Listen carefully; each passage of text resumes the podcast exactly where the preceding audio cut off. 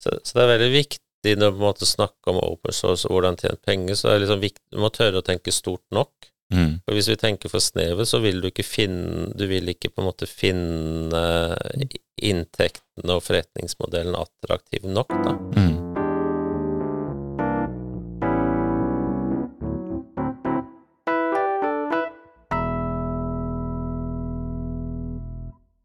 Velkommen til dagens episode av Egderøret. I dag så har vi fullt mannskap, Andreas. Er ikke det deilig igjen? Jo. Nå må jeg se 108 grader istedenfor rett fram. Ja, Helt konge. kjempebra. Mm. Vi kan jo ta en liten uh, runde rundt det faktiske bordet. Ikke noe virtuelt bord eller noen ting i dag. Uh, jeg heter Øyvind Brekkhus Anaker. Jeg eh, hjelper eh, til med IT-ting i Egde. Både kunder og internt. Litt arkitekt og utvikling og alt mulig sånn. Og så har vi med oss eh, Hvem er du? Jeg heter Øystein Løken. Jeg jobber i Egde med forretningsutvikling. I Egde kaller vi det strategisk rådgivning. Så jobber jeg som prosjektleder. Gøy. Og hva er du for en eh, fyr? Jeg er Andreas. Tudelu-du. Eh, jobber som prosjektleder og inn mot salg i Egde. Og til høyre for meg har jeg Frune. Ja, jeg heter Rune, og jeg er utvikler i det som er internprosjektet til Egde nå, Smia. Så bra. Da har vi jo litt, eh, litt å ta av. Ehm, vi tenkte å ta opp et tema som er litt sånn ehm, Hvis vi hadde snakka om det for noen tiår siden, så hadde folk blitt litt skremt, tror jeg. Eh, og, men hvis, når vi snakker om det nå, så har det blitt litt mer stuerent. Eh, vi tenkte å snakke litt om open source. Og det jeg mente med for noen tiår siden, så var liksom Windows, det var lukka greier. Eh, Linux, det visste folk kanskje var open source, eh, men det er nesten det forholdet man har til open source. Ehm, men, eh, men nå så er liksom begynner folk å skjønne at det er veldig mye open source-ting. Eh, For eksempel plattformen som, eh, eller mye av det som Facebook er bygd på, er jo open source. Så vi lager jo applikasjoner i samme greia som Facebook gjør, med React for eksempel. Eh, Men eh, hva er, hva er ditt forhold til eh, open source, Øystein? Hva tenker du når du hører det ordet? Det kan være veldig vanskelig å sånn, forstå umiddelbart liksom, hva open source er. Eh, for meg, så det, det jeg tenker umiddelbart, det er egentlig det, liksom, den tekniske tilnærmingen, programmeringstilnærmingen. At du, så, at programmerer har tilgang da, til, eh, til en kildekode Mm. som man på en måte deler med hverandre og videreutvikler. Det er sånn umiddelbart det jeg tenker. Hvordan tenker du det passer inn i sånn strategisk bilder og eh, samarbeid på tvers av Ja, bedrifter, eksempel? Ser du, ser du, tenker du Jeg tenker automatisk det at eh, når noe er open source, så betyr det at jeg kan lettere lage applikasjoner, fordi at jeg kan bruke noe som allerede finnes der. Gratis arbeid. Mm. Allerede er det. Gratis arbeid. Mm. Og det er litt interessant du spør, Øyvind, fordi egentlig når vi snakker om på en måte digitalisering og digital transformasjon, så snakker vi også ofte om eh, nye forretningsmodeller, og da begynner vi å liksom komme inn på også dette temaet. Um, fordi det handler om um, hvordan man på en måte kan samarbeide på, på nye måter. Eh, og ofte så tenker man liksom samarbeid i litt sånn tradisjonell forstand, da, at man skal inngå kalle kommersielle samarbeidsformer, Mm. hvor det er på en måte en avtale som sier at man skal jobbe sammen om et marked eller mot, mot en kunde. Men her så handler det jo mer om på en måte liksom kraften av at man er flere, da, uh, og at man på en måte har mer tverrfaglighet, at man har ulike perspektiver, og at på en måte en stor mengde gjør noe bedre enn man gjør som en mindre mengde, eller en enkeltperson, da. Um, og det var litt, sånn i forhold til åpen kildekode, så liksom En ting er liksom den programmeringstekniske delen av det, men også på en måte hvilke kommersielle gevinster og effekter det har, da. Mm. Og det er litt sånn som du sier, at uh, grunnen til at de store nevnte eksempel Facebook åpner opp, det er jo fordi at de ser at det er med på en måte å videreutvikle de sin plattform, uh, og gjøre den attraktiv for, uh, for flere. Mm. Ikke, bare, ikke bare sånn programmeringsteknisk, men også kommersielt, da. Nei, veldig gode perspektiver og betraktninger. Jeg er veldig enig. Hva er forskjellen på perspektiv og betraktning? Perspektiv er uh, overordna, betraktning er hans eh, subjektive. Det er min mening, og det, det står jeg for. Så bra. Du Rune, du er jo eh, kanskje litt på andre siden av bordet, eller bokstavelig talt på andre siden av bordet av eh, Øystein. Hva, Ja, hva tenker du når du hører open source? Nei, jeg tenker jo at det er en naturlig del av utviklingshverdagen, for jeg er jo litt yngre enn eh, Øyvind, i hvert fall. Han har jobba ganske mange år i bransjen, og har opplevd den eh, steinalderen, holdt jeg på å si. Mens eh, når jeg kom ut, eh, og det gjelder vel også deg og eh, så var egentlig open source allerede en ganske stor del av utviklingsprosessen. Og det å ha, se for seg den utviklinga uten å ha tilgang til de open source-verktøyene som vi bruker, er nesten litt vanskelig, fordi at det er en såpass stor del av utviklingshverdagen. Man bruker veldig mange sentrale verktøy som man ikke hadde hatt sjanse til å vedlikeholde som et lite firma tidligere, fordi man har tilgang til kildekoden fra større selskaper. Eh, men det jeg er litt sånn eh, interessert i å vite, er jo Altså, det er veldig lett å bruke open source. Veldig mange bruker open source. Men eh, burde ikke også bidra? Og det, der er det jo eh, mange måter å bidra på. Så for eksempel åpen kildekode er jo liksom det norske ordet, men open source er eh, mer en slags bevegelse. Så for eksempel eh, Kubernetes, da, som er en, eh, en Vi snakker ja, den podkasten som ja, faktisk kom ut i dag, bare i den fysiske verden, ikke bare i podkast virtuelle verden hvor vi snakka om hva Kubernetes var, og det er jo en svær eh, orkestrerer av applikasjoner, på et vis. da. Eh, og, eh, og de mottar jo bidrag ikke bare i kildekode, altså i kode, da, men de, liksom, hvordan du promoterer det, opplæring, dok dokumentasjon er jo en av de største måtene å bidra inn i Kubernetes, hvordan du kan få det opp og gå og alt det der. Så når, når folk hører at jeg er helt enig i at man skal bidra, men jeg tror mange automatisk tenker da, når de hører ja, vi må bidra, at de må skrive noe kode. At de må få det liksom til å spinne, lage ny funksjonalitet og sånn. Men det er bare en liten del av hele open source-bevegelsen. Det handler vel så mye om å skrive dokumentasjon for det, snakke om det på konferanser, gjøre sånn som vi gjør, altså lage podkaster om et eller annet tema. Det er vel så mye å bidra rundt det. Så nå betaler vi egentlig ned gjelda vår da, på open source ved å ha en podkast om det? Ja, på et vis. Det handler litt om det, da. Og når du bruker det, for eksempel eh, vi, vi bruker jo .net, eh, en Microsoft-teknologi, for å lage applikasjoner. Det bruker vi masse i det, som Rune og meg jobber i, det er inhouse-prosjektutviklinga vi kaller oss Mia. Og der er vi litt sånn bleeding edge på noen ting, og så er vi litt sånn her eh, steinalder på andre ting. Eh, Men eh, der vi er bleeding edge på nå, er blant annet en måte som, som kaller Ja, det blir veldig teknisk, men noe som heter GRPC. Og der er vi jo i dialog med de som lager det nå, og det er litt sånn i beta-stadiet enda, men vi har hoppa på den greia, og det kommer ut nå fullverdig versjon i november. Men i en sånn prøveperiode nå, så er vi med og tester det, og det kommer til å bli ferdig i november. Da bidrar vi jo på et vis med at vi tester det ut, og så gir vi tilbakemelding til communityet, som .net er jo også open source nå, da, Mm. og vi bidrar tilbake der, da.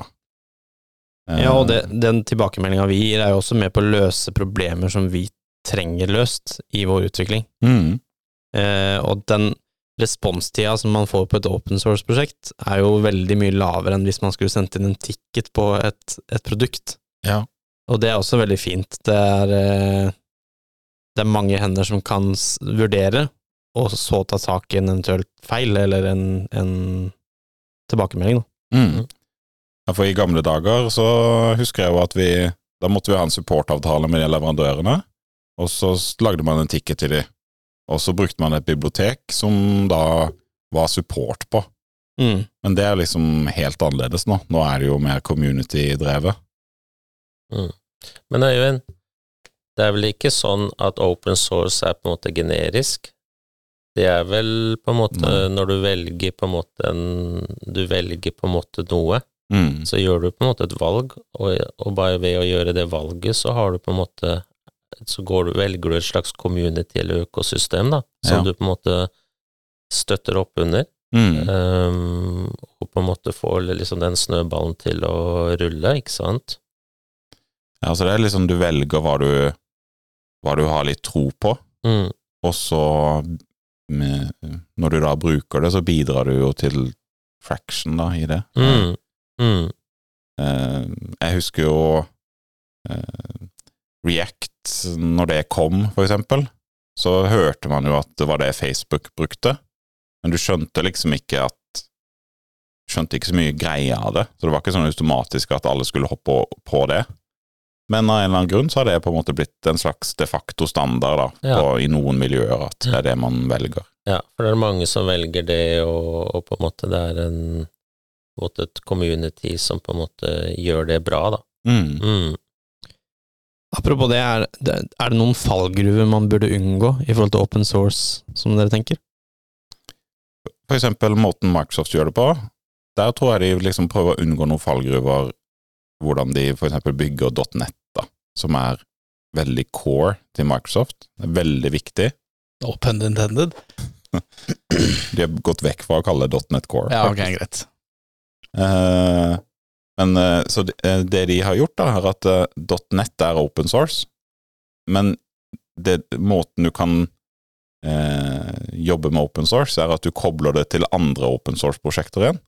Sånn at du liksom lager et sånn svær økosystem. Men måten .net og Microsoft gjør det ofte når de lanserer noe open source, er at de har kontroll på alt internt. Så de har ingen eksterne avhengigheter. Man kunne jo valgt å så koble seg på en eh, database som er noen andre sin, eller bruke Reacta, React, for eksempel, eh, som er Facebook sin, men de velger å ha kontroll på ende til ende på sine ting. For eksempel så har de lagd en måte å lage frontend-applikasjoner på med en teknologi som de kaller Blazer, som er C-sharp-greier. Det er ikke engang det er ikke engang TypeScript eller JavaScript, som er et annet programmeringsspråk, men de liksom knytter det veldig til seg, da. Men de kaller det open source, Mm. men det er veldig Microsoft. Open source i kontrollerte former, da. Ja. Og det får de mye kritikk på, da, eh, av de open source-fantastene. Med rett, syns jeg, da. At eh, de, de kunne gått til andre selskaper eller andre initiativer og så liksom sagt ja, la oss bygge dette sammen. Men de holder det mye internt, da. Samtidig så ser vi at, vi at de åpner opp ganske mye i forhold til samarbeid med andre aktører, da. Mm. Som for eksempel det GRPC-biblioteket som vi jobber på nå. Det er jo et samarbeid mellom Google og, og .net, da. Mm. Samme Kubernetes, da, for eksempel, som Mm. er et kroneksempel på at det har du i ja, Utrolig nok så har Oracle også en cloud, men så du har det i Oracle Cloud i Google sin, i AVS, i Mm. Microsoft sin, så har du liksom en eh, ja, litt sånn teknisk men du har en distro av Kubernetes, så du har liksom en utgivelse av Kubernetes for hvert av disse miljøene. Og der er det jo et bra samarbeid, da. Mm. Men det er litt sånn fordi at det er det markedet krever. Så der har, på, eh, der har markedet kommet og sagt vi bruker Kubernetes, da forventer vi at dere har det som en tjeneste hos dere. Mm. Så det er sånn frivillig under tvang for de sin del, da. Det er egentlig det. Men hvordan velger dere på en måte det dere skal bruke? Hva, hvilke kriterier har dere, legger dere til grunn når dere gjør et valg? Det er jo høy hipsterfaktor der, er det ikke det? Så, og Navnet har mye å si. Ja. Det kommer også veldig an på prosjektet.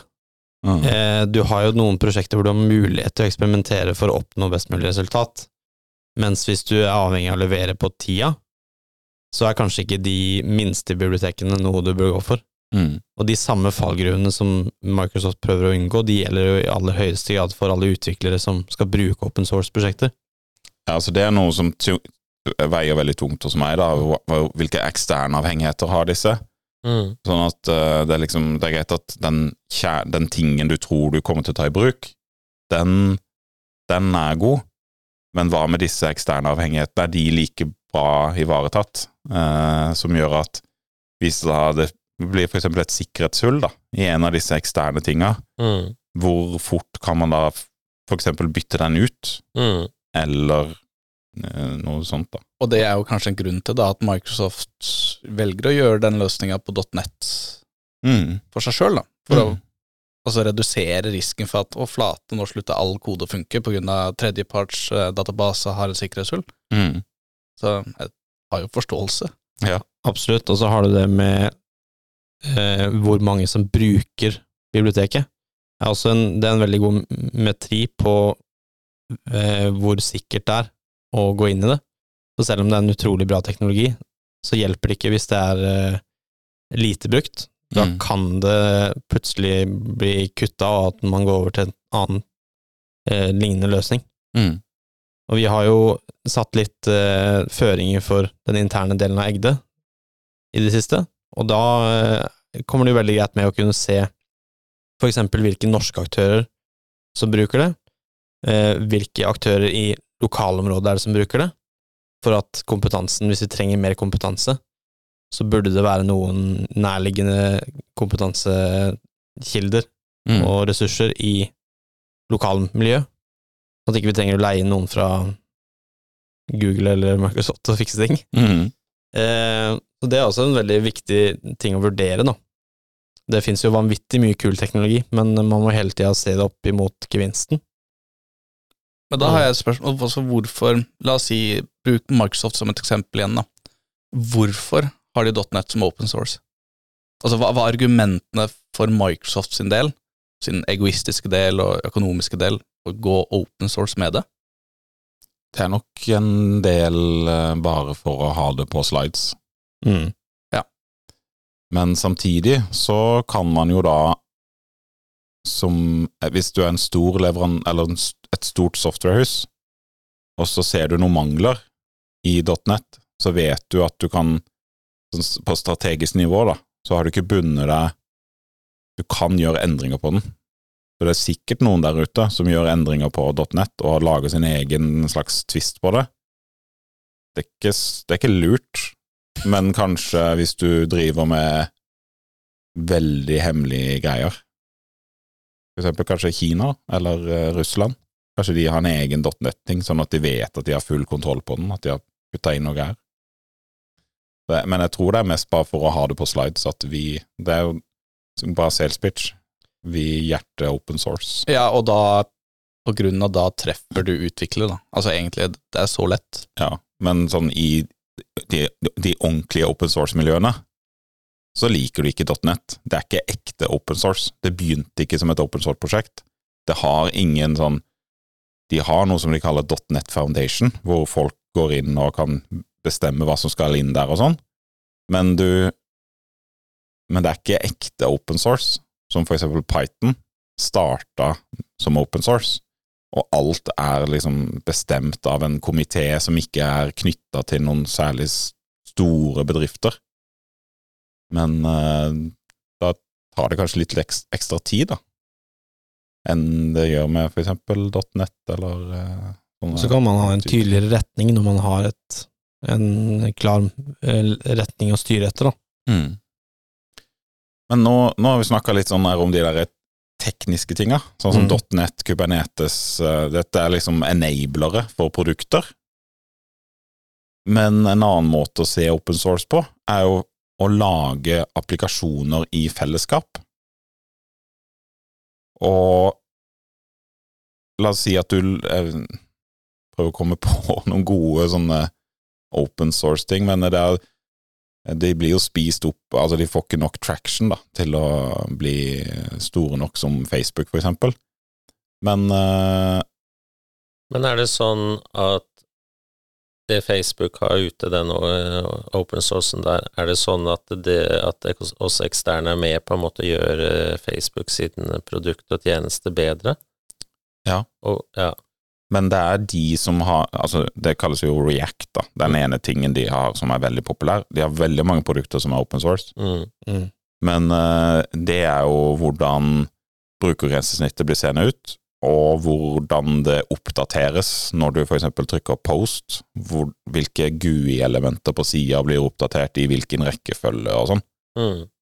Uh, Så det er jo veldig knytta opp mot det brukergrensesnittet. Mm. Ikke så mye Men én ting er jo det du, man liksom ser som, som bruker av tjenesten. Men, eh, men utvikling nå har jo blitt sånn at det er jo ikke noe, det er jo ikke et prosjekt, og så når man er ferdig med prosjektet, så kan liksom tjenesten leve, leve i mange år. Det er jo kontinuerlig behov for både vedlikeholde, kildekode og, tek og, Mm. og teknologien, ikke sant? Um, men også, også på en måte det er jo liksom, liksom basicen eller grunnmuren i, i løsningen, da, men også så er det jo behov for å videreutvikle løsningen, da, for å gjøre den mer, mer attraktiv og liksom tilby nye tjenester eller tilpasse tjenestene i forhold til at behovene endrer seg. Mm. Men sånn som eh, for Facebook, når, når mange på en måte jobber med React, da, så er jo det med på en måte å gjøre den, den koden på en måte liksom up to date, eller kontinuerlig up to date, da. Så det har jo en verdi, stor verdi i seg selv, ikke sant? Det har det. Ja. Absolutt. Og tryggere. Um, og kanskje og samtidig på en måte muliggjøre nye funksjoner og tjenester, da. Mm. Mm. Og egentlig da speede opp utviklingsprosessen for Facebook. Mm. At eh, de Og de som ikke jobber i Facebook, som bidrar inn der, vil kanskje pushe mer på at eh, standardene i HTML som, ja, HTML er jo en standard, selv om det kanskje ikke oppleves som det alltid, så er det jo at du eh, Hvis du da Hvis de da pusher på å få standarden implementert, mens Facebook kanskje eh, prøver å pushe litt eh, og legge til ny funksjonalitet og gjøre det litt raskere, så er det noen andre som i parallell jobber med å implementere forskjellige standarder, som gjør at React kan samarbeide bedre med andre typer biblioteker igjen. Mm. Så det er veldig bra å ha det der økosystemet rundt sånne eh, komponent, eller sånn React, da. Ja. Men vi har vel sett prosjekter nå eksempel i pandemien, hvor man på en måte hvor man samler ulike miljøer for å på en måte løse en litt sånn samfunnsmessig oppgave eller behov, da. Um, hvor, hvor det på en måte er med på å gjøre at man fortere kommer til mål, Mm. fordi man kjenner på en måte man kjenner på en måte prinsippene og kildekoden og liksom prinsippene som skal legges til grunn, da, og hvordan, for å liksom hvordan man skal gjøre løsningen. Smittesporing-appen, den versjon to, Mm. den fikk jo en god sånn contribution fra en ekstern. Mm. på Jeg husker ikke helt hva det var for noe, men jeg lurer på om det var integrasjon mot bank-ID eller noe, ja. Som gjorde at du var anonym allerede, selv om du gjorde en integrasjon mot bank-ID. da. Mm. Uh, Og da var det jo kryptoeksperter som bidro inn, så det var jo de beste i Norge som Ja. bidro inn der. Ja. Så det er mange som har sånne samfunnsengasjement, da, som blir trukket mot open source Mm. også. Mm. Så det, det er jo litt gøy, da. Store selskaper som Google, Facebook, eh, Amazon, og i tillegg disse institusjonene Mm. i forskning og sånn. Ja. Men det er jo mange selskaper som også lei, eller på en måte bruker veldig mange, kall det eksterne, litt, egentlig ikke konsulenter, men på en måte litt sånn frilansere. Uh, og det er mange som på en måte gjør også litt mer konkurranse ut av det. Mm. Litt mer sånn type hackathon-tilnærming, men på en måte hvor man blir invitert inn til å til en konkurranse og utvikle en løsning, da. Man Mm. på en måte har en problemstilling man ønsker løst, og så er man på en måte finansierer finansierer på en måte de bidragene, så får man på en måte mange, mange gode bidrag inn, og så velger man kanskje den beste, da. Mm. Mm. Men akkurat det har jo vært eh, Du har jo nettside for dette her, i hvert fall inn mot AI også, for eksempel. Mm. At det er, du bare lanserer dette, dette er en konkurranse, her er én million dollar. Ja. Beste contribution Mm. vinner, og det er åpent. åpent. Og det kunne du ikke gjort før. Nei. Eh, uten med den samme relevansen, for det, du ville ikke hatt eh, kjennskap til systemet som selskapet som hosta den hackathonen brukte, på samme måte som du har når den kildekoden er åpen. Og det er jo et lag ofte som Det som passer til open source, er ting som kan abstraheres vekk fra den eh, forretningslogikken. Eh, så man kan jo ta den prøven på sitt eget prosjekt, og så se hva er det vi kunne gjort open source? Det har jeg tenkt litt i forhold til Egde. Hva er det, hva er det vi kunne gjort open source? Har du noe forslag på det, Øyvind? Vi holder jo på med en eh, løsning for eh, Ja, som begynte med Kristiansand kommune, som har noe de kaller en tilskuddsløsning. Mm. Hvor du kan søke om eh, tilskudd til ja, organisasjoner eller initiativ ja, som kommer ut av legater i Kristiansand kommune, blant annet. Hvor du kan få penger for å gjøre ting. Men jeg har drodla lenge med en eh, tanke om å gjøre det open source, både på datanivå, men også koden. Men da kanskje bruke både eh, åpne API-er og API-er du da kan endre på, men ha dataene lagra i en, eh, en blokkjede, sånn at du kan distribuere den til hvem som helst. Da vant du buzzword bingoen.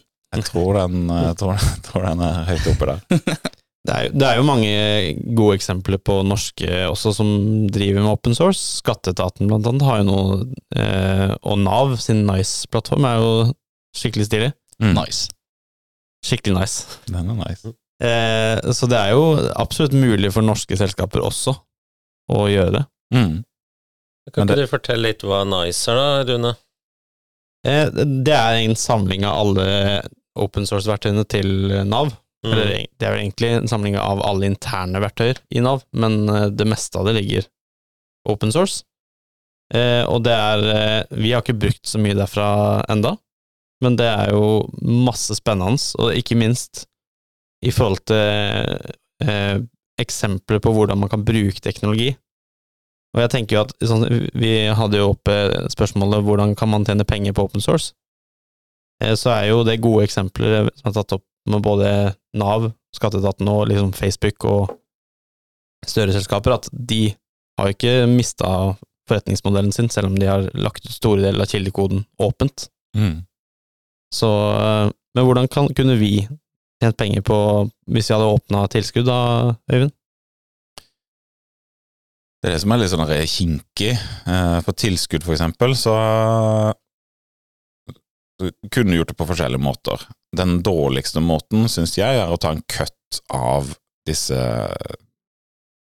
Versjon 1, altså Liksom si eh, Når du søker om tilskudd, så skal Egde ha en prosent av eh, det som blir gitt. Det høres jo bare fælt ut. det, det høres ikke bra ut. Nei. Men jeg syns jo Egde er en uh, gyllen mulighet, siden vi begynte i hvert fall som et konsulentselskap.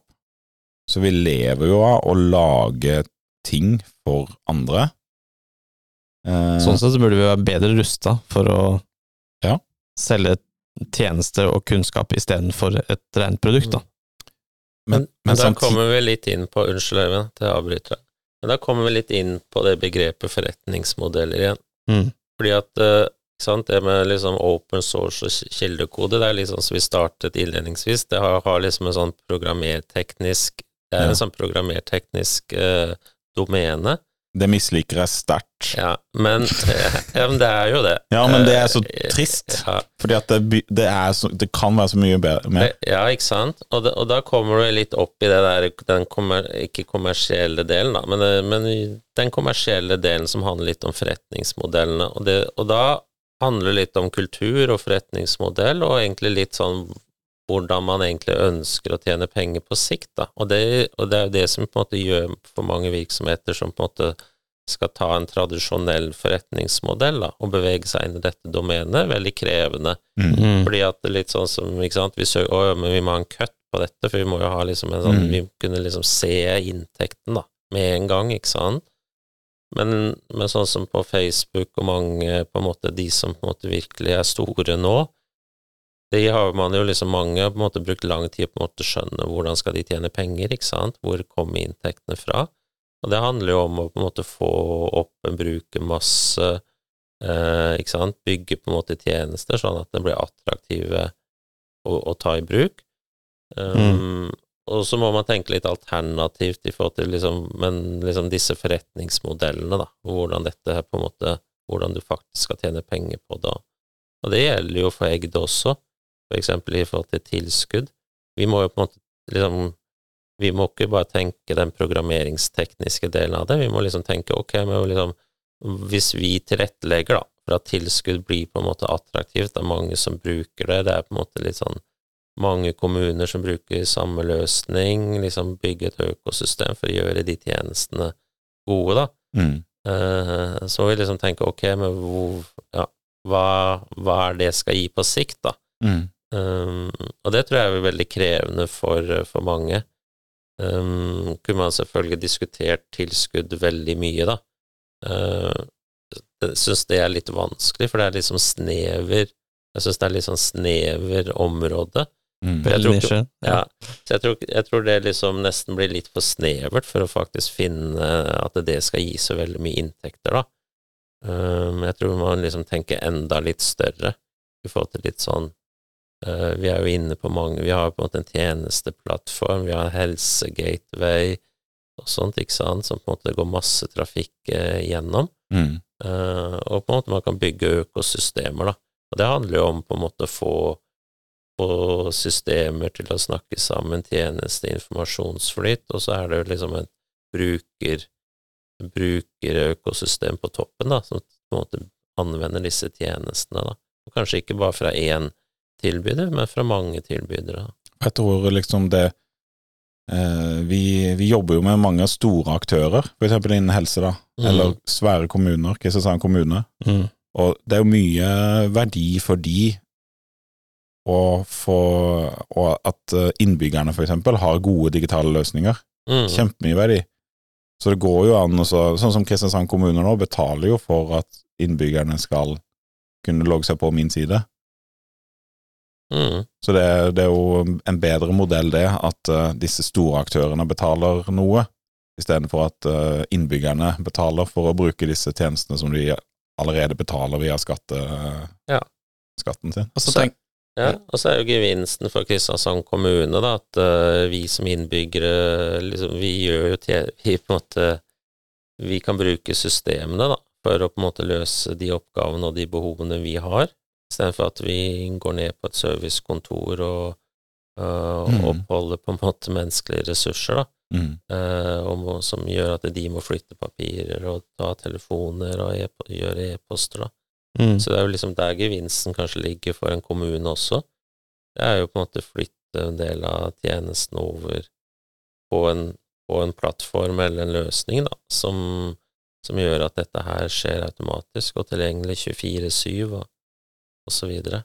men litt sånn Altså, hvis man hadde tilgjengeliggjort dette her som open source, Mm. og fått et økosystem, mange kommuner Nå bruker jeg bare dette som eksempel siden vi Ja. prater om det.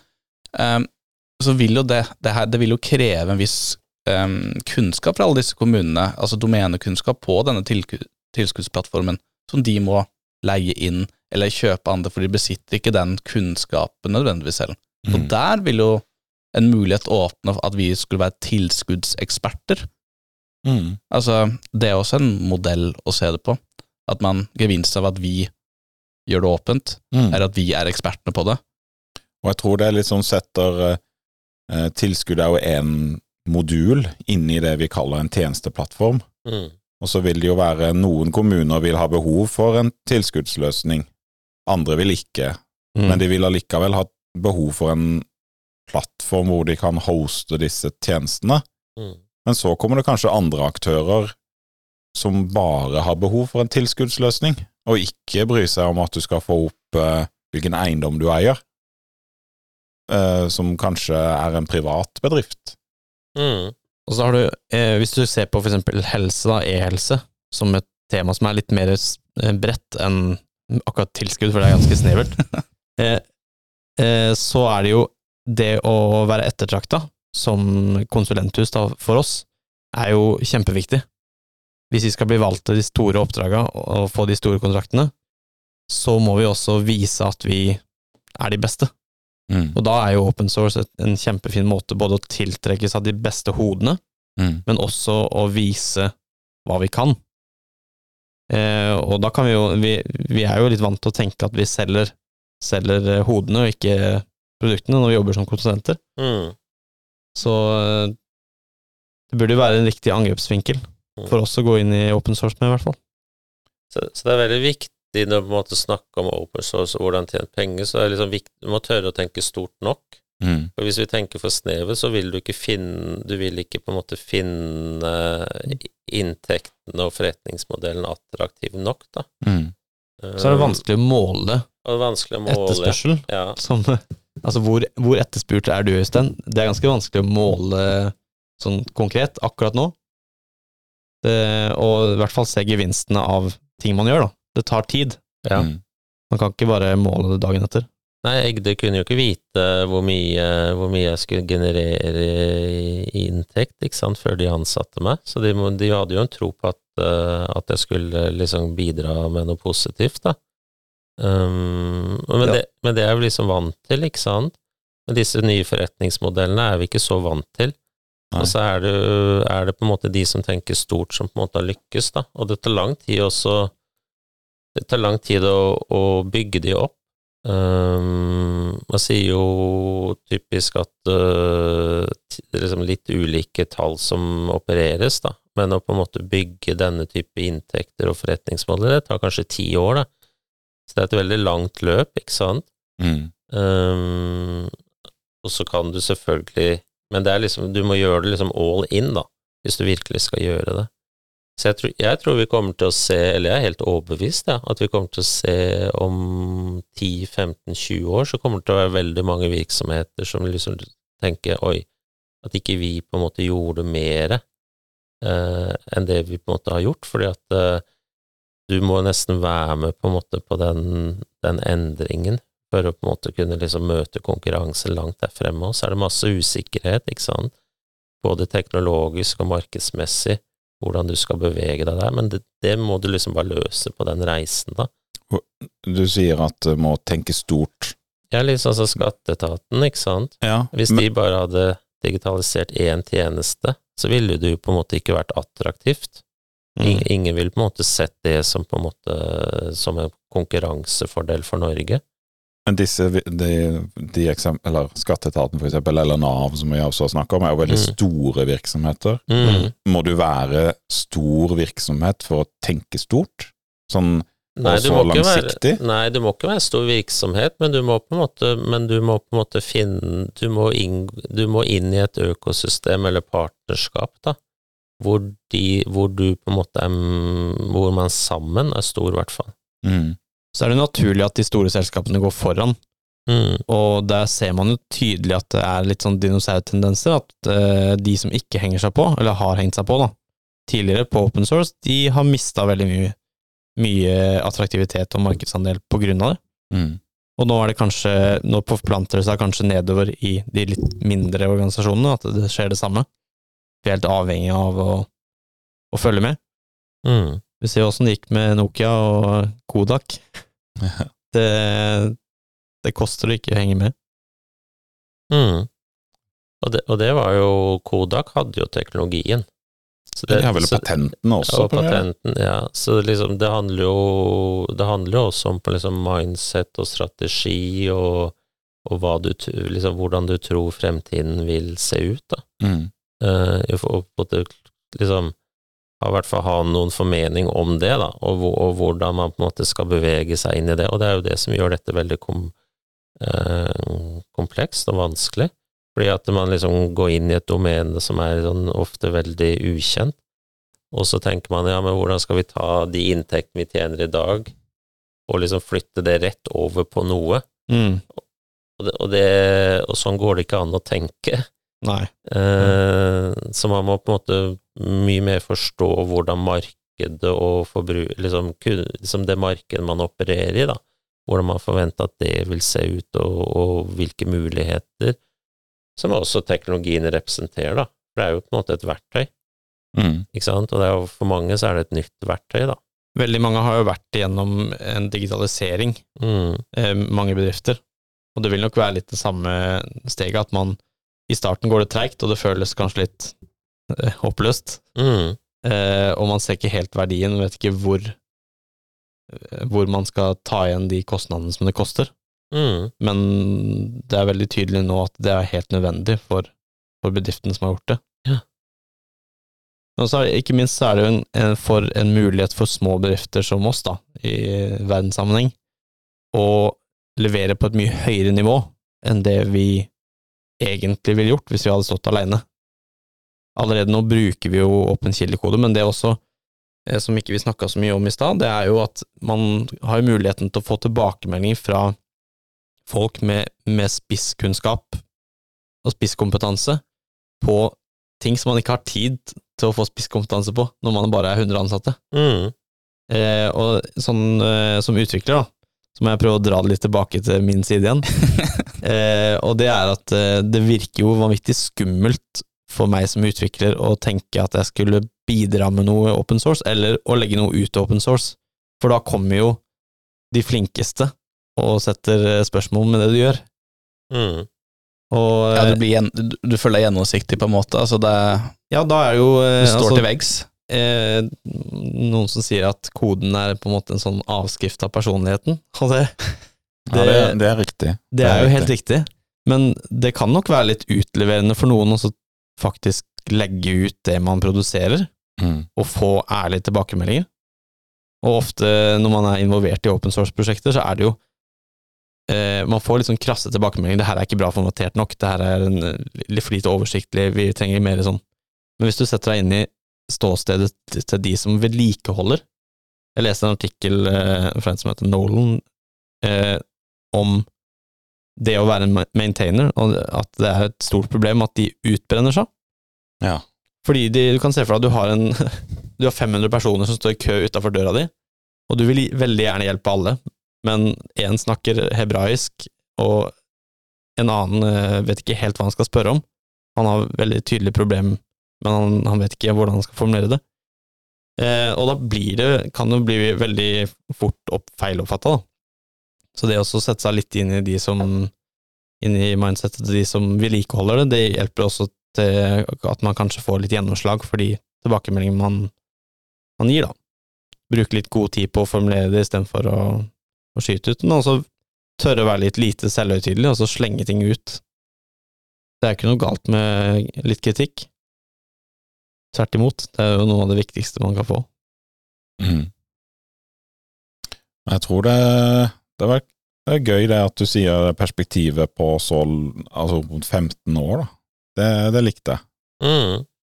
Eh, For det betyr jo at eh, små bedrifter som prøver litt, og begynner å lykkes, kan jo da ha et langt perspektiv på de tinga man virkelig har tro på. Mm. Vi har jo mange sånne initiativer i Egde, føler jeg. Spesielt e-helseplattformen, som vi kaller eller e-helse- helsegatewayen, eller Mm. Kjært barn, mange navn.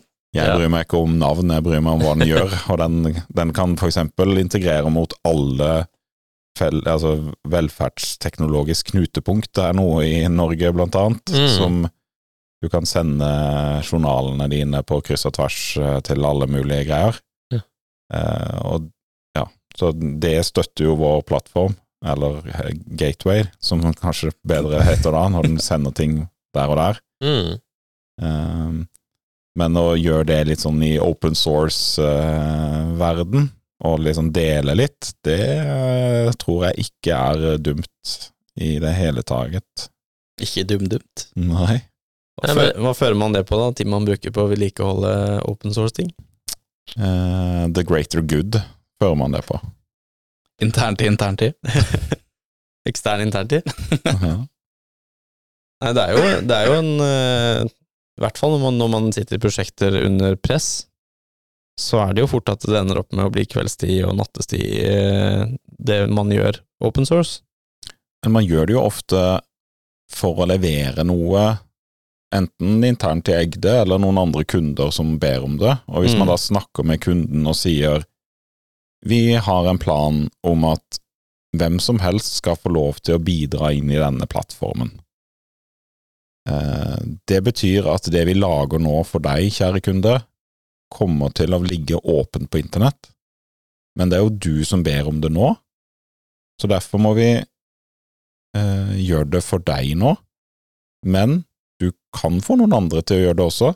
Det ligger åpent her, men vi, vi kjenner disse type teknologiene, sånn som Fire, en sånn e-helsestandard godt. Vi har alle kontaktene inn mot eh, e-helsedirektoratet på plass, så liksom vi lever av noe annet da enn å bare produsere kode. Det er liksom det er det som er litt sånn trist med det der open source-greiene, som er knytta mot kildekode. Mm.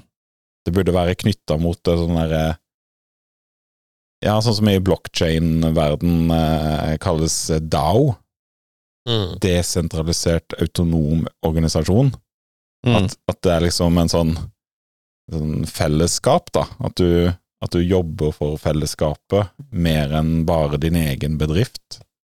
Mm. Det handler jo om å dele kunnskap òg, helt separert fra teknologi. Altså bidra på Det er jo Hvor hadde vi vært uten inspirerende speeches og sånn på, Mm. på messer, og det som dytter ting framover?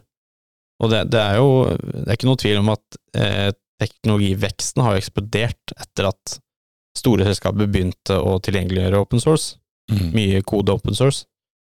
Så eh, vi er helt avhengige der, og vi kan jo, spesielt i, lo i lokalmiljøet, tenker jeg at vi kan være, bli en enda større aktør på deling av kunnskap. Ja, absolutt. Mm. Men Øyvind, kan eh, Du sier på en måte at eh, liksom det legges ut på internett og tilgjengelig. Er det sånn at uh, liksom funksjoner og tjenester og du liksom kan ta copy-paste, da, eller? Ja. Ja. I teorien. ja. Og så må man jo da bare eksempel være bedre på ting som eksempel å drifte denne plattformen. Mm. Og ha gode rutiner rundt uh, når det skjer noe feil. Eksempel et grensesnitt du er avhengig av er nede. Altså, hvis vi da begynner å sette opp noe i Frankrike, Tyskland, eh, rundt omkring i hele verden, Mm. så er jo sjansen for at noe går ned veldig stor. mm. Vil alltid være noe som ikke funker helt optimalt. Mm. Liksom ha gode rutiner på type backup, da, eller at løsninga alltid skal oppleves som oppe. At Mm. man er bedre på det enn å bare skrive den koden. Mm.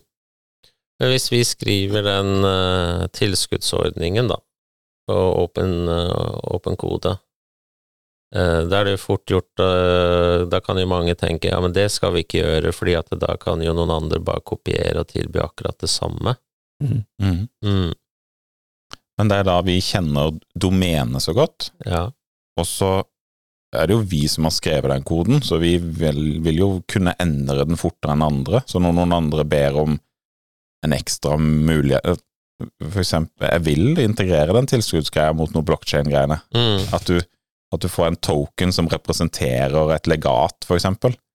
Og det er en kontrakt knytta til den utbetalinga, som betyr at når du oppfyller deler av denne kontrakten, så får du mer token, Mm. som du kan gå til kommunen og veksle inn i mer penger, for eksempel. Mm. Og det er åpent. Det er umulig å jukse med utbetalingene.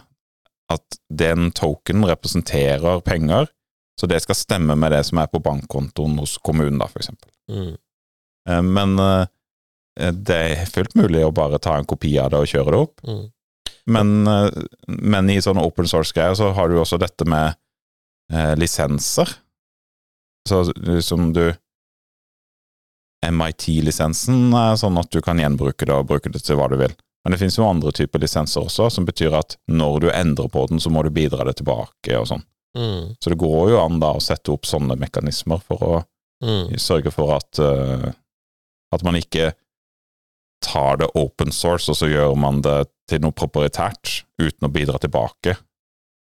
Det, Det er helt, jeg syns det er helt greit at andre spinner det opp, men du må bidra tilbake. Du kan ikke bare ta det og så bruke det internt uten å si at du har lagt til noe greier. Nei. Da er du jo ikke open source. Da har du jo stjålet Mm.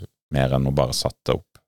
Men jeg tror mange virks... Og dette tror jeg er litt sånn utfordrende for mange virksomheter. For mange virksomheter ikke sant, Norge, Det er masse SMB-er i Norge, og mange virksomheter konkurrerer på en måte veldig like produkter og tjenester, da. Og hvis Mm. du for eksempel, og da er det veldig lett å tenke at ja, men vi skal lage en, en digital tjeneste, en, en applikasjon eller et eller annet, da. Og så er det veldig lett å tenke da at men hvis vi lager den på åpen kildekode, eh, Så blir stjålet. ja, så, liksom, så vil jo konkurrenten vår se med en gang hva vi har gjort, da. Mm. Uh, og bare liksom copy-paste, ikke sant, og så Mm. lage akkurat det samme. Det er veldig fort gjort å tenke, da. Mm. Um, så det, og der kommer vi litt tilbake på, på hvordan du tjener penger, ikke sant, og det er jo litt sånn at du må tenke litt større enn det, da, for du må liksom bygge eller slags Du må liksom bygge noe også rundt tjenestene dine, ikke sant, for å også tenke at eh, hvordan kan du liksom over Mm. tid, da, faktisk på en måte gjøre, tilby noe som er attraktivt for kundene dine, og nye kunder og, og, og partnerne dine, og liksom Så det er liksom når du går inn i det også, så tror jeg det liksom Det er litt sånn eh, Det er en lang, lang reise, da. Eh, Og det er det jeg sier, at man må liksom tenke, tenke litt annerledes enn det man er vant til, da. Um, sånn at det ikke man bare tenker at ja, men det er liksom Vi skal lage en, en funksjon eller en applikasjon som gjør det og det, og så men vi vil ikke ha det på åpen kildekode, fordi da kan konkurrentene våre komme og gjøre akkurat det samme. Men det er sånn som du sa, at liksom det handler om å på en måte bygge kompetanse og kontinuerlig videreutvikle og, og gjøre det bedre og, og, og større, da. Det, og det er veldig krevende, ikke sant. Og det er derfor det, disse tingene tar så lang tid, da, å bygge opp disse, disse forretningsmodellene. Og da kan man også tenke litt sånn alternativt. Hvem andre kan man gå i partnerskap med, og Mm. og liksom, sånn at man sammen da blir mye mer attraktive i markedet. da. Men det handler nok mye om at det er ikke alt som skal være open source. Nei. Men for eksempel en app, det er jo bare en flate som Mm. du gjør noe på, og så Mm. bruker du disse åpne API-ene som har åpen kildekode, Ja. Mm. men kanskje den brukeropplevelsen kan kanskje være lukka, da. Ja. Fordi at den er veldig knytta til et brand, for eksempel. Mm. At du eh, for eksempel eh, Nav vil ha en annen brukeropplevelse enn en eller annen hipsterbedrift som Og- Andrea starter i morgen. Og det er, jo, det er jo veldig subjektive meninger som kommer på spill der, mens si, bak det så ligger det mye mer logisk logikk. Ja. Mm. Altså Det vil være veldig mye mer spesifikke til den bruken, til den kunde, til den applikasjonen, til kunde. Mm. Ja. Og så det er liksom å bygge et hus, det. Du går jo på byggvaren og kjøper standard, standard materialer, og Mm. så blir likevel sluttresultatet annerledes, for det handler om hvordan du setter det sammen. Mm. Um, ja. Og døra, døra er jo den samme, og ja, ja. Referansesmed. Ja, men det er jo, det er jo vanvittig viktig, fordi at hvis du tar det eksempelet med to konkurrerende bedrifter da, på samme type løsning, så vil de jo, hvis de trenger å gjøre kildekoden sin, så vil de jo egentlig standardisere seg ganske. Mest sannsynlig vil de lære litt av hverandre, Mm. og så vil de sette en standard for det de holder på med nå, og da vil jo utviklinga flytte seg i en retning, og mest sannsynlig mye fortere, så det vil jo komme kunden til gode. For eksempel tilbake til tilskuddsløsninger, da. Den er jo Det er jo en React frontend, og så er det en backend bygga på noe som heter Microsoft Orleans og Kubernetes og Postgres og Redis. Masse sånn gøy teknologi. Men vi kan jo si at backenden vår, som er alle disse duppedingsene utenom React, det gjør vi i open source. Mm. Mens frontenden, det lager vi per kunde. Mm. Sånn at den brukeropplevelsen eh, lages på nytt. Mm. Og da, da har vi jo bidratt til mye bra. Fordi at i den backenden da, så vil eksempel utbetalinger via forskjellige leverandører ligge. Da vil forskjellige leverandører ha et insentiv for å gå inn der og så lage den integrasjonen riktig og trygg og god. Og da kan jeg gå inn der og lage den blockchain-integrasjonen min der. Men den er jo ikke knytta opp mot noe av den frontenden nødvendigvis. Og så vil jo da eh, eksempel eh, Visma, for eksempel, hvis du skal ha en utbetaling via Visma, eller eh, via Lillesand Sparebank, eller Sparebanken Sør, eller noe sånt, vil de ha et insentiv for å gå inn og så lage de eh, koblingene mot de sine systemer så gode som mulig, og så sikre som mulig, og sånt. Mhm. Og så vet de at denne plattformen er åpen, så når noen andre skal benytte seg av en tilskuddsløsning, så kan de gå og så ta den, som er backenden, og støtter disse endepunktene for utbetalinger og sånn, mens frontenden må de lage sjøl. Og så tenker de ja ja, men da har de i hvert fall kommet 80% på veien. Det er jo en måte å løse open source på. da. Mm. Begynner å bli sultne. Sulten? Ja, snart lunsj. Det er lenge til lunsj. Skal ha et par standup før lunsj. Heftig. Jeg har hørt at kantina har begynt å open source eh, oppskriftene sine. Legger det ut på nettet. Jeg lurer veldig på hva den burgeren inneholder, for det er ikke mye. Også, de, de, også det i salatbaren, for det er mye rester. Jeg tror det, det er Jeg ønsker å si se historikken. Historikken på open source. Salaten er veldig god her, altså. I Grimstad, Teknologiparken i Grimstad, veldig bra kantine. Ja, det syns jeg. Syns det Den er ikke, den er ikke dum, den. Ikke dum-dum. Nei, men da er vi ferdige, da. Vi prata litt om open source. Jeg har lært mye. Ja, veldig gøy å Eh, ha Fine drøftninger fra Løken her. Og så tenker jeg vi må eh, si at alle gjester, de får et klenodium. Det gjør de. Eh, Medlem i en selektiv gruppe. og det, det er jo derfor vi har denne podkasten. Fordi at eh, eh, han er eh, Rune Nilsen, som er det mest generiske navnet på denne jord. Det er open source-navn, det. Men jeg tror han har fått et Har du fått et nytt eh, mellomnavn? Eh, Etternavn Østmoen. Østmoen. Ok, så er Rune Ø Nilsen. Det er litt mer sjeldent. Det er litt mer Rune Nilsen er jo det er jo kjedeligste navnet i Norge, kanskje. Jeg kjenner en annen Rune Nilsen òg. Alle kjenner en annen Rune Nilsen. Eh, og han eh, gikk rundt med en kopp hvor det står Egde på den ene sida, og så står det Egderøret på den andre, med vår logo. Egderøre-logo. Ja, Mm. den var kamuflert i skapet. Den Egderøre-logoen er jo veldig vanskelig å se når den står andre veien. Ninjakopp. Men- Ninjakopp. Men nå så har alle i dette rommet lov til å ta Egderøre-kopp, og man skal få en med hjem til odel og eie, som man kan eh, ha stående på um, peishylla. Kjekt. Eh, og det er det ikke så mange som har eh, enn så lenge, men eh, vi oppfordrer jo alle som har lyst på en Egderøre-kopp til å ta kontakt med oss, eh, og så fikser vi det. Stiller også gjerne med et lite tema man har lyst til å snakke om. Jeg syns det, dette var et morsomt tema. Enig. Vi kan prate om alt. Mm. Da ønsker vi alle en fin dag. Adjø. Ha det! Ha det bra.